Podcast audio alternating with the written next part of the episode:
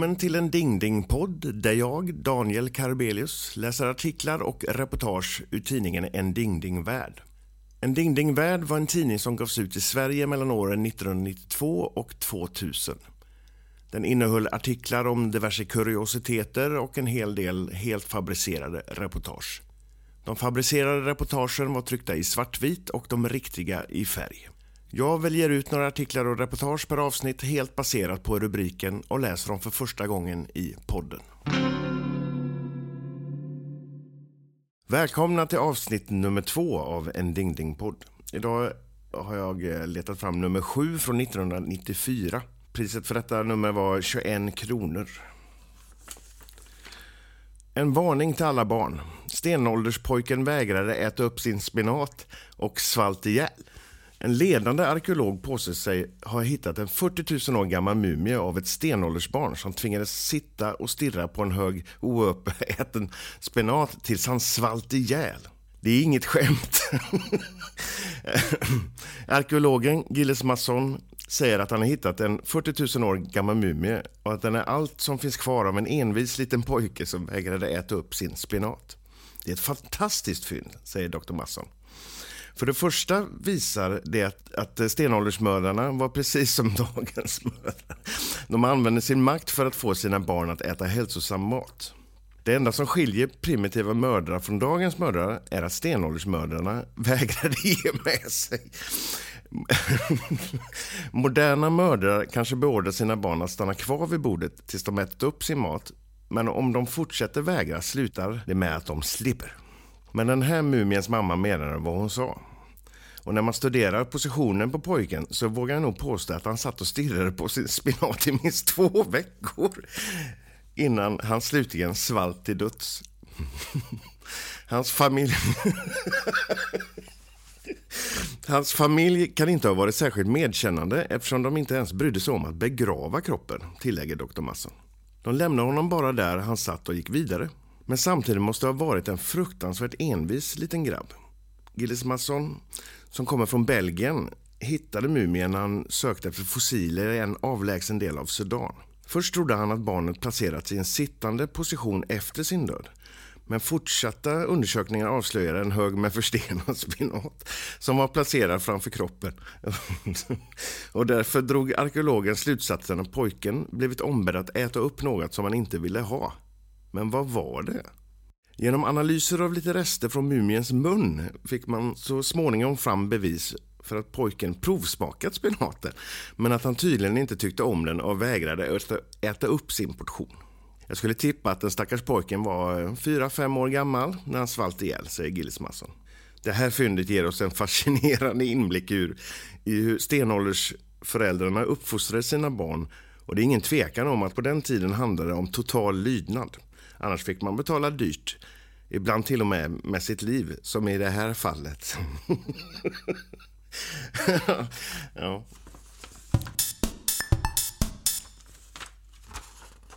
Stackars Maggie lider av en av världens bisarraste sjukdomar. Hon har luktat bensin i tre år. Maggie Largenhook har drabbats av en mystisk sjukdom som gör att hennes vänner och grannar skyr henne. Maggie luktar nämligen bensin och hon kan inte göra något åt det. För tre år sedan upptäckte 30-åriga Maggie Largenhook att det stank bensin om henne. Och hur hon än duschade och tvättade sig så fanns lukten kvar. Till sist var situationen så olidlig att hon uppsökte läkare och då fick hon veta att hon led av en mycket sällsynt sjukdom. Det finns bara 14 rapporterade fall i världen och det är mycket vi inte vet om åkomman, säger Maggies läkare Carlo Cheverelli. Vad vi vet är att den verkar dyka upp hos folk som har en extremt hög nivå av hudfett och mineraler i sin kropp. När mineralerna kommer i kontakt med syre förändras molekylerna på ett sätt som vi inte förstår och en doft som påminner om bensin strömmar ut från patientens porer. Men även om lukten påminner om bensin är det ingen fara för att eh, patienten ska explodera, tillägger läkaren och ångorna är inte heller giftiga. Maggis man har stått vid hennes sida i vått och torrt sedan hon drabbades av sjukdomen. Trots att lukten är så överväldigande att han är tvungen att bära en gasmask för att stå ut. Jag skulle inte klara mig utan Wins, säger Maggie. Jag har förlorat mitt jobb, alla mina vänner och inte ens min hund vill komma till mig längre. Men Vince har funnits vid min sida och stöttat mig hela tiden. Man lär sig leva med det, säger 34-åriga Wins, som arbetar med försäkringar. okay. Alla gifta par har sina problem och är tvungna att anpassa sig. Maggie och jag har bara fått lite konstigare problem än andra. Först var det obekvämt att bära gasmask, berättar Wins. Men nu har jag vant mig och det känns faktiskt lika naturligt att ta på sig den här när jag kommer hem som att ta på sig tofflorna. Maggie och Vince försöker göra det bästa av sin unika situation genom att ägna sig åt utomhusaktiviteter som att tälta, fiska och fotvandra. Däremot har de sällan besök i sitt hem eftersom Maggies lukt sitter i hela huset. Jag känner inte bensinlukten längre, säger Maggie. Men andra människor gör det och jag har inte vågat gå in i en affär, gå på bio eller äta ute på nästan tre år. Det känns lite trist. men, men, men Maggie och Vince hoppas på att läkaren någon gång i framtiden ska hitta ett botemedel. Så länge det finns liv finns det hopp, säger Vince. Och vi hoppas naturligtvis att vetenskapsmännen ska hitta ett läkemedel som fungerar. Men tills de gör det får vi försöka göra det bästa av situationen. Vi har ju trots allt varandra och det är det viktigaste just nu. Och så ser man en, eh, finns det en bild Han sitter och håller om varandra i en soffa och så sitter Wins med eh, gasmasken på. Och Ska vi se vad vi har mer för härliga artiklar. Läkarna står maktlösa och vet inte vad de ska göra. Anthony har krympt 48 centimeter på 10 år. Historien om Anthony Sheridan är som tagen ur en science fiction-roman. Bieffekterna av en medicin har nämligen fått honom att krympa nästan en halv meter på 10 år. Innan jag började ta medicinen var jag en frisk man på 173 centimeter, säger 46-åriga Anthony Sheridan som försörjer sig som skoförsäljare i Madison i USA. Idag är jag bara 125 cm lång och känner mig som en man i en pojkes kropp. Om jag fortsätter krympa i den här takten så kommer jag väl antagligen att försvinna om några år. Anthonys märkliga krympande började sedan han gått igenom en levertransplantation 1983. Läkarna gav honom stora doser av en experimentsteroid när hans kropp försökte stöta bort den nya levern. Medicinen hindrade avstötningen men samtidigt påverkade den Anthonys skelett och han började krympa. Det är mycket ovanligt att någon som tar steroider börjar krympa, säger en schweizisk ämnesomsättningsexpert som följt Anthonys fall. Men massiva doser av den här speciella steroiden har fått hans skelett att erodera och slutar han inte med medicinen är jag rädd för han kommer fortsätta krympa. Dessutom verkar det som om krympandet accelererar. Han har blivit kortare under de senaste 18 månaderna än han blev under de första fem åren. Anthony vet inte vad han ska göra. Utan medicinen dör han Fortsätter han att ta medicinen ser det inte bättre ut än att han kommer krympa tills han försvinner. Anthonys fru Harriet är idag drygt 40 cm längre än sin man och hon säger att Anthonys krympande har medfört vissa förändringar i deras liv.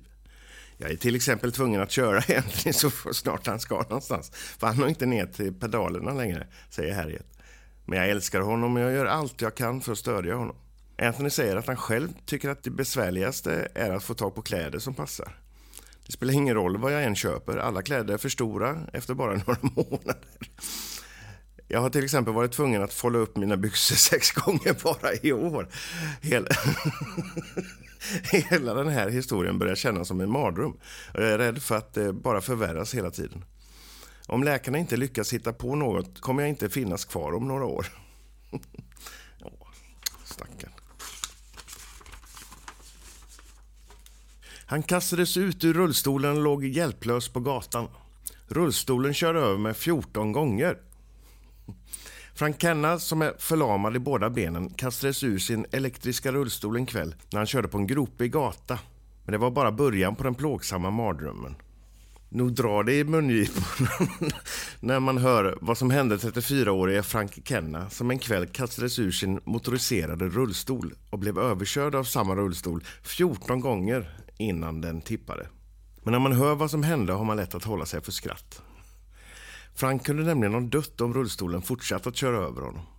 Nu slutade äventyret med att Frank hamnade på sjukhus och fick behandlas för skrubbsår, skärsår och sju brutna revben.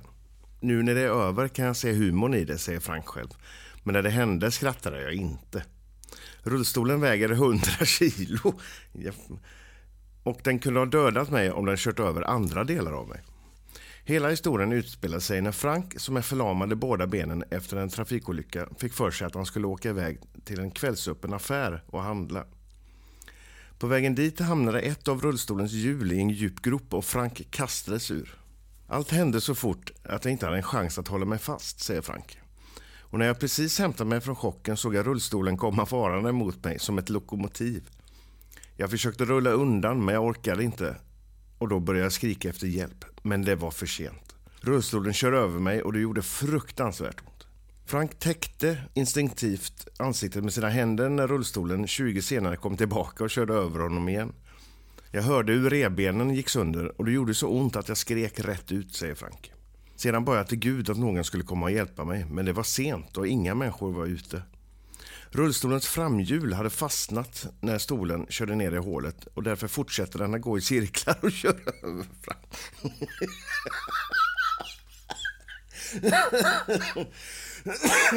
och jag kunde inte göra annat än att ligga där och vänta på att bli överkörd igen. Jag försökte stålsätta mig, men det var inte så lätt. Det enda jag kunde tänka var herregud, nu kommer den igen. Frank säger att rullstolen körde över honom 14 gånger innan den kom i obalans och föll omkull på gatan. Sedan måste han svimmat för nästa gång han öppnade ögonen befann han sig på sjukhusets akutavdelning och tittade förvirrat upp på en läkare som förband hans skador. Han berättade att en fotgängare hittat mig medvetslös på gatan och ringt efter ambulansen, säger Frank. Som fick ligga på sjukhuset i tre dagar innan han ansågs vara stark nog att få komma hem. Nu känns alltihop som en mardröm, men samtidigt har jag lärt mig min läxa. En kompis till mig har tillverkat ett säkerhetsbälte till rullstolen. Och det kommer jag att använda från och med nu. Och det tycker jag alla andra rullstolsbundna också ska göra. För olyckan kan vara framme när man minst anar det.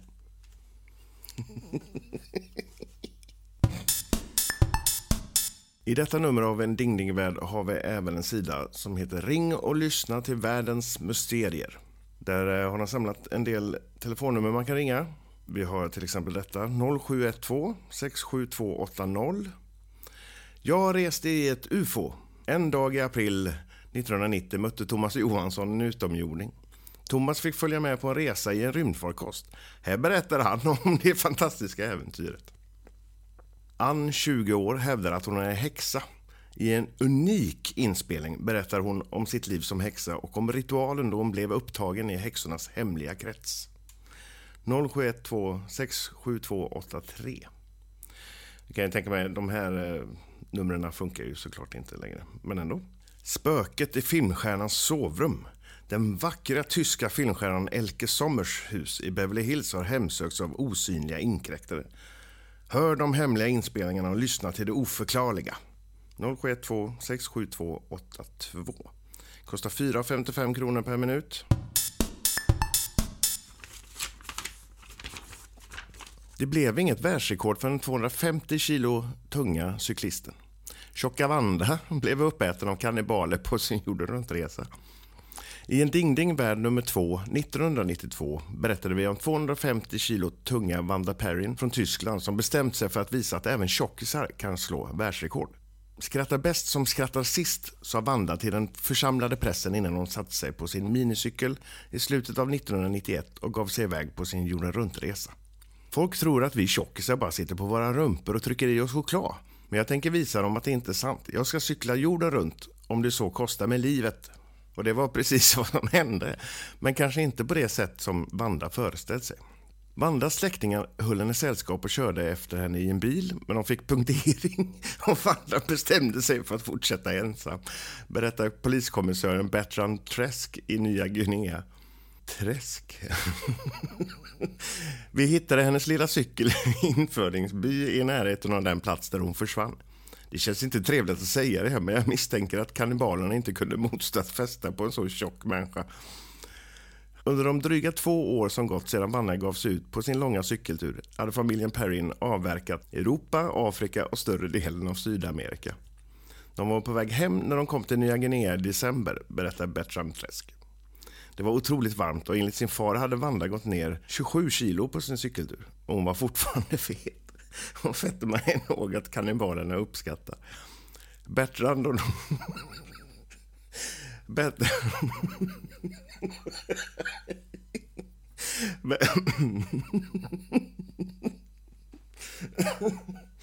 Bättre och några av hans underhuggare kammade igenom området för att försöka leta rätt på den storvuxna brunetten. Men det enda de hittade var hennes lilla cykel och ett par jättebyxor. Kannibalerna utfrågades också, men de nekade till att ha något med Vandas försvinnande att göra. Hennes pappa sa att hon gav sig iväg på cykelturen för att visa att livet inte bara gick ut på att äta, säger Bertrand Träsk avslutningsvis. Tyvärr lyckades hon inte övertyga kannibalerna om det. Ja. Och så är det en bild på eh, Vanda här. Hon sitter på cykeln, glad i hågen och cyklar iväg. Vetenskapsmännen är förbluffade. Hon tänder eld på is. Myra Youngus, 81 år, från Minneapolis, USA, förbluffar vetenskapsmännen. Hon sätter eld på stora isblock med bara en enkel handrörelse. Experterna är fortfarande mycket osäkra på vad som hände Myra då hon för 30 år sedan arbetade i en kemisk fabrik och råkade andas in farliga gaser. Sedan den dagen besitter hon nämligen den märkliga kraften att kunna sätta eld på frusna objekt med hjälp av hettan i sin handflata. Jag höll på att dammsuga golvet i laboratoriet när jag av misstag råkade välta en hylla, berättar Myra Jangus. Flaskorna och provrören föll i golvet och gick sönder och det rann kemikalier överallt. Jag kunde naturligtvis inte undvika att andas in en del ångor. Myra har ingen aning om vilken av kemikalierna som faktiskt skadade henne, men hon blev väldigt sjuk. Jag hade hög feber i tre dagar och läkarna sa att jag nästan dog, fortsätter Myra sin berättelse. Men den fjärde dagen gick febern plötsligt ned, utom i min vänstra handflata. Den handen är än idag mycket het. Och när helst Myra viftar med handen i närheten av ett fruset objekt så tar det eld. Även sedan den dagen 1964 då fru Jangus först demonstrerade sin märkliga förmåga har hon fått genomgå en mängd vetenskapliga experiment och tester. Men vetenskapsmännen är fortfarande förvirrade. Våra instrument tyder på att en stark elektrisk energi strålar från hennes hand, bekräftar fysikern Dr. Morris kablekter. Och det verkar som om den kommer från ett kraftigt magnetfält i hennes kropp. Det är rätt komplicerat, men det enklaste sättet att förklara det är att jämföra med vad som händer med den elektriska energin i moln vid starka temperaturskillnader. Det är så blixtar bildas. Något liknande verkar hända när Myra Jangers heta hand kommer i närheten av kalla objekt. De tar eld. Myra har genom åren vant sig vid sin förmåga men den har ändå skapat en del problem. Hon är fortfarande mycket aktiv, trots att hon måste använda rullator. Hon brukar tycka om att åka och titta på hennes barnbarn spela ishockey.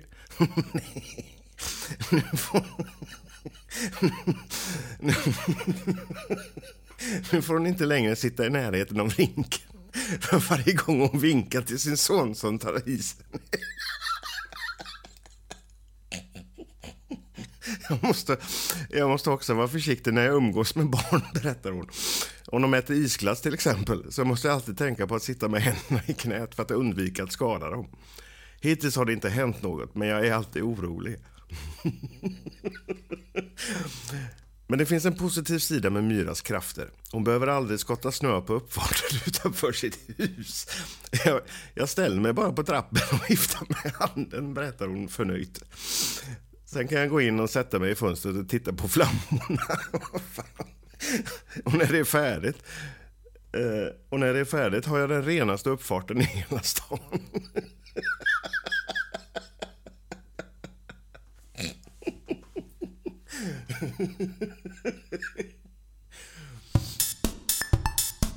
Okej, vi tar en sista artikel eller reportage. Här ska vi se. Spöke med vattenpistol trakasserade familj. Andy och hans uppgivna familj packade sina väskor och flydde från sitt hus för att slippa ifrån det griniga spöket som varje dag besköt dem med en jättelik vattenpistol. Det låter som ett skämt, men det är det tyvärr inte, säger 42-åriga Andy DeFurt som tillsammans med sin familj tvingas lämna sitt drömhus på grund av ett vresigt vattensprutande spöke. Det där förbaskade spöket har förstört våra liv. Han hade en enorm vattenpistol som var åtminstone 1,5 meter lång och han kunde dyka upp när som helst, både dag och natt och duscha oss med iskallt vatten. Brr. Ibland hände det att vi låg och sov när han sprutade vatten över oss, fortsätter Andy. Både vi och sängkläderna blev dyngsura. Till slut gick det så långt att vi vägrade gå och lägga oss av rädsla för att bli genomblöta. Han var verkligen ett genomelakt spöke. Och är väl fortfarande, antar jag. Det sura spöket dök upp i familjen de Furtes liv den 13 september förra året. Bara en vecka efter det att Andy, hans fru Dina och deras sjuåriga son Tully flyttade in i sitt nya hus i Houston i Texas. Det var en vanlig söndagkväll och vi satt och tittade på TV när en blek, rynkig gammal gubbe dök upp i vårt vardagsrum och siktade på oss med en jättelik vattenpistol. Min fru och min son skrek till och det kanske jag också gjorde.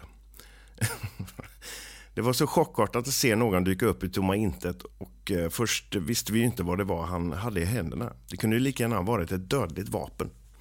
Däremot var det ingen tvekan om att det var ett spöke, för man kunde se rakt igenom honom.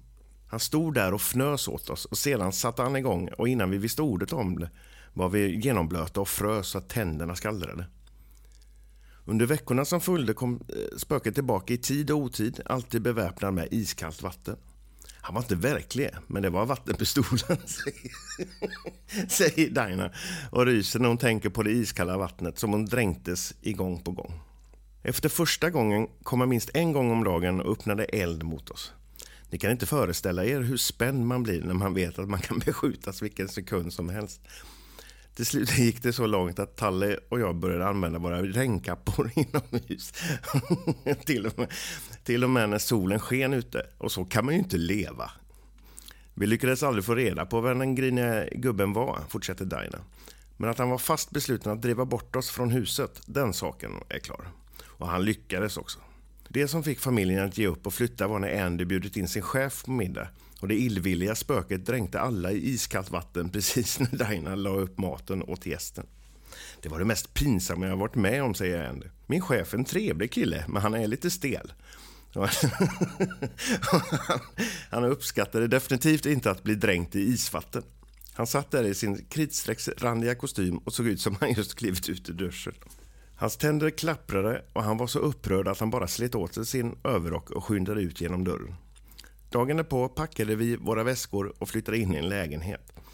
Och jag svär på att vi aldrig kommer att sätta foten i det där huset igen. Man kan inte leva ett normalt liv om man ska dela sitt liv med ett spöke som inte vill ha en där. Hur det gick med Andys jobb förtäljer inte historien, men förmodligen fick han behålla det. okay.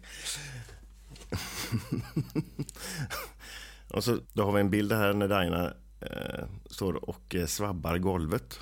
Eh, nu står det Daina tröttnar på att ständigt torka upp vatten. Mm. Tack för att du lyssnade på det här avsnittet av en Ding Ding podd.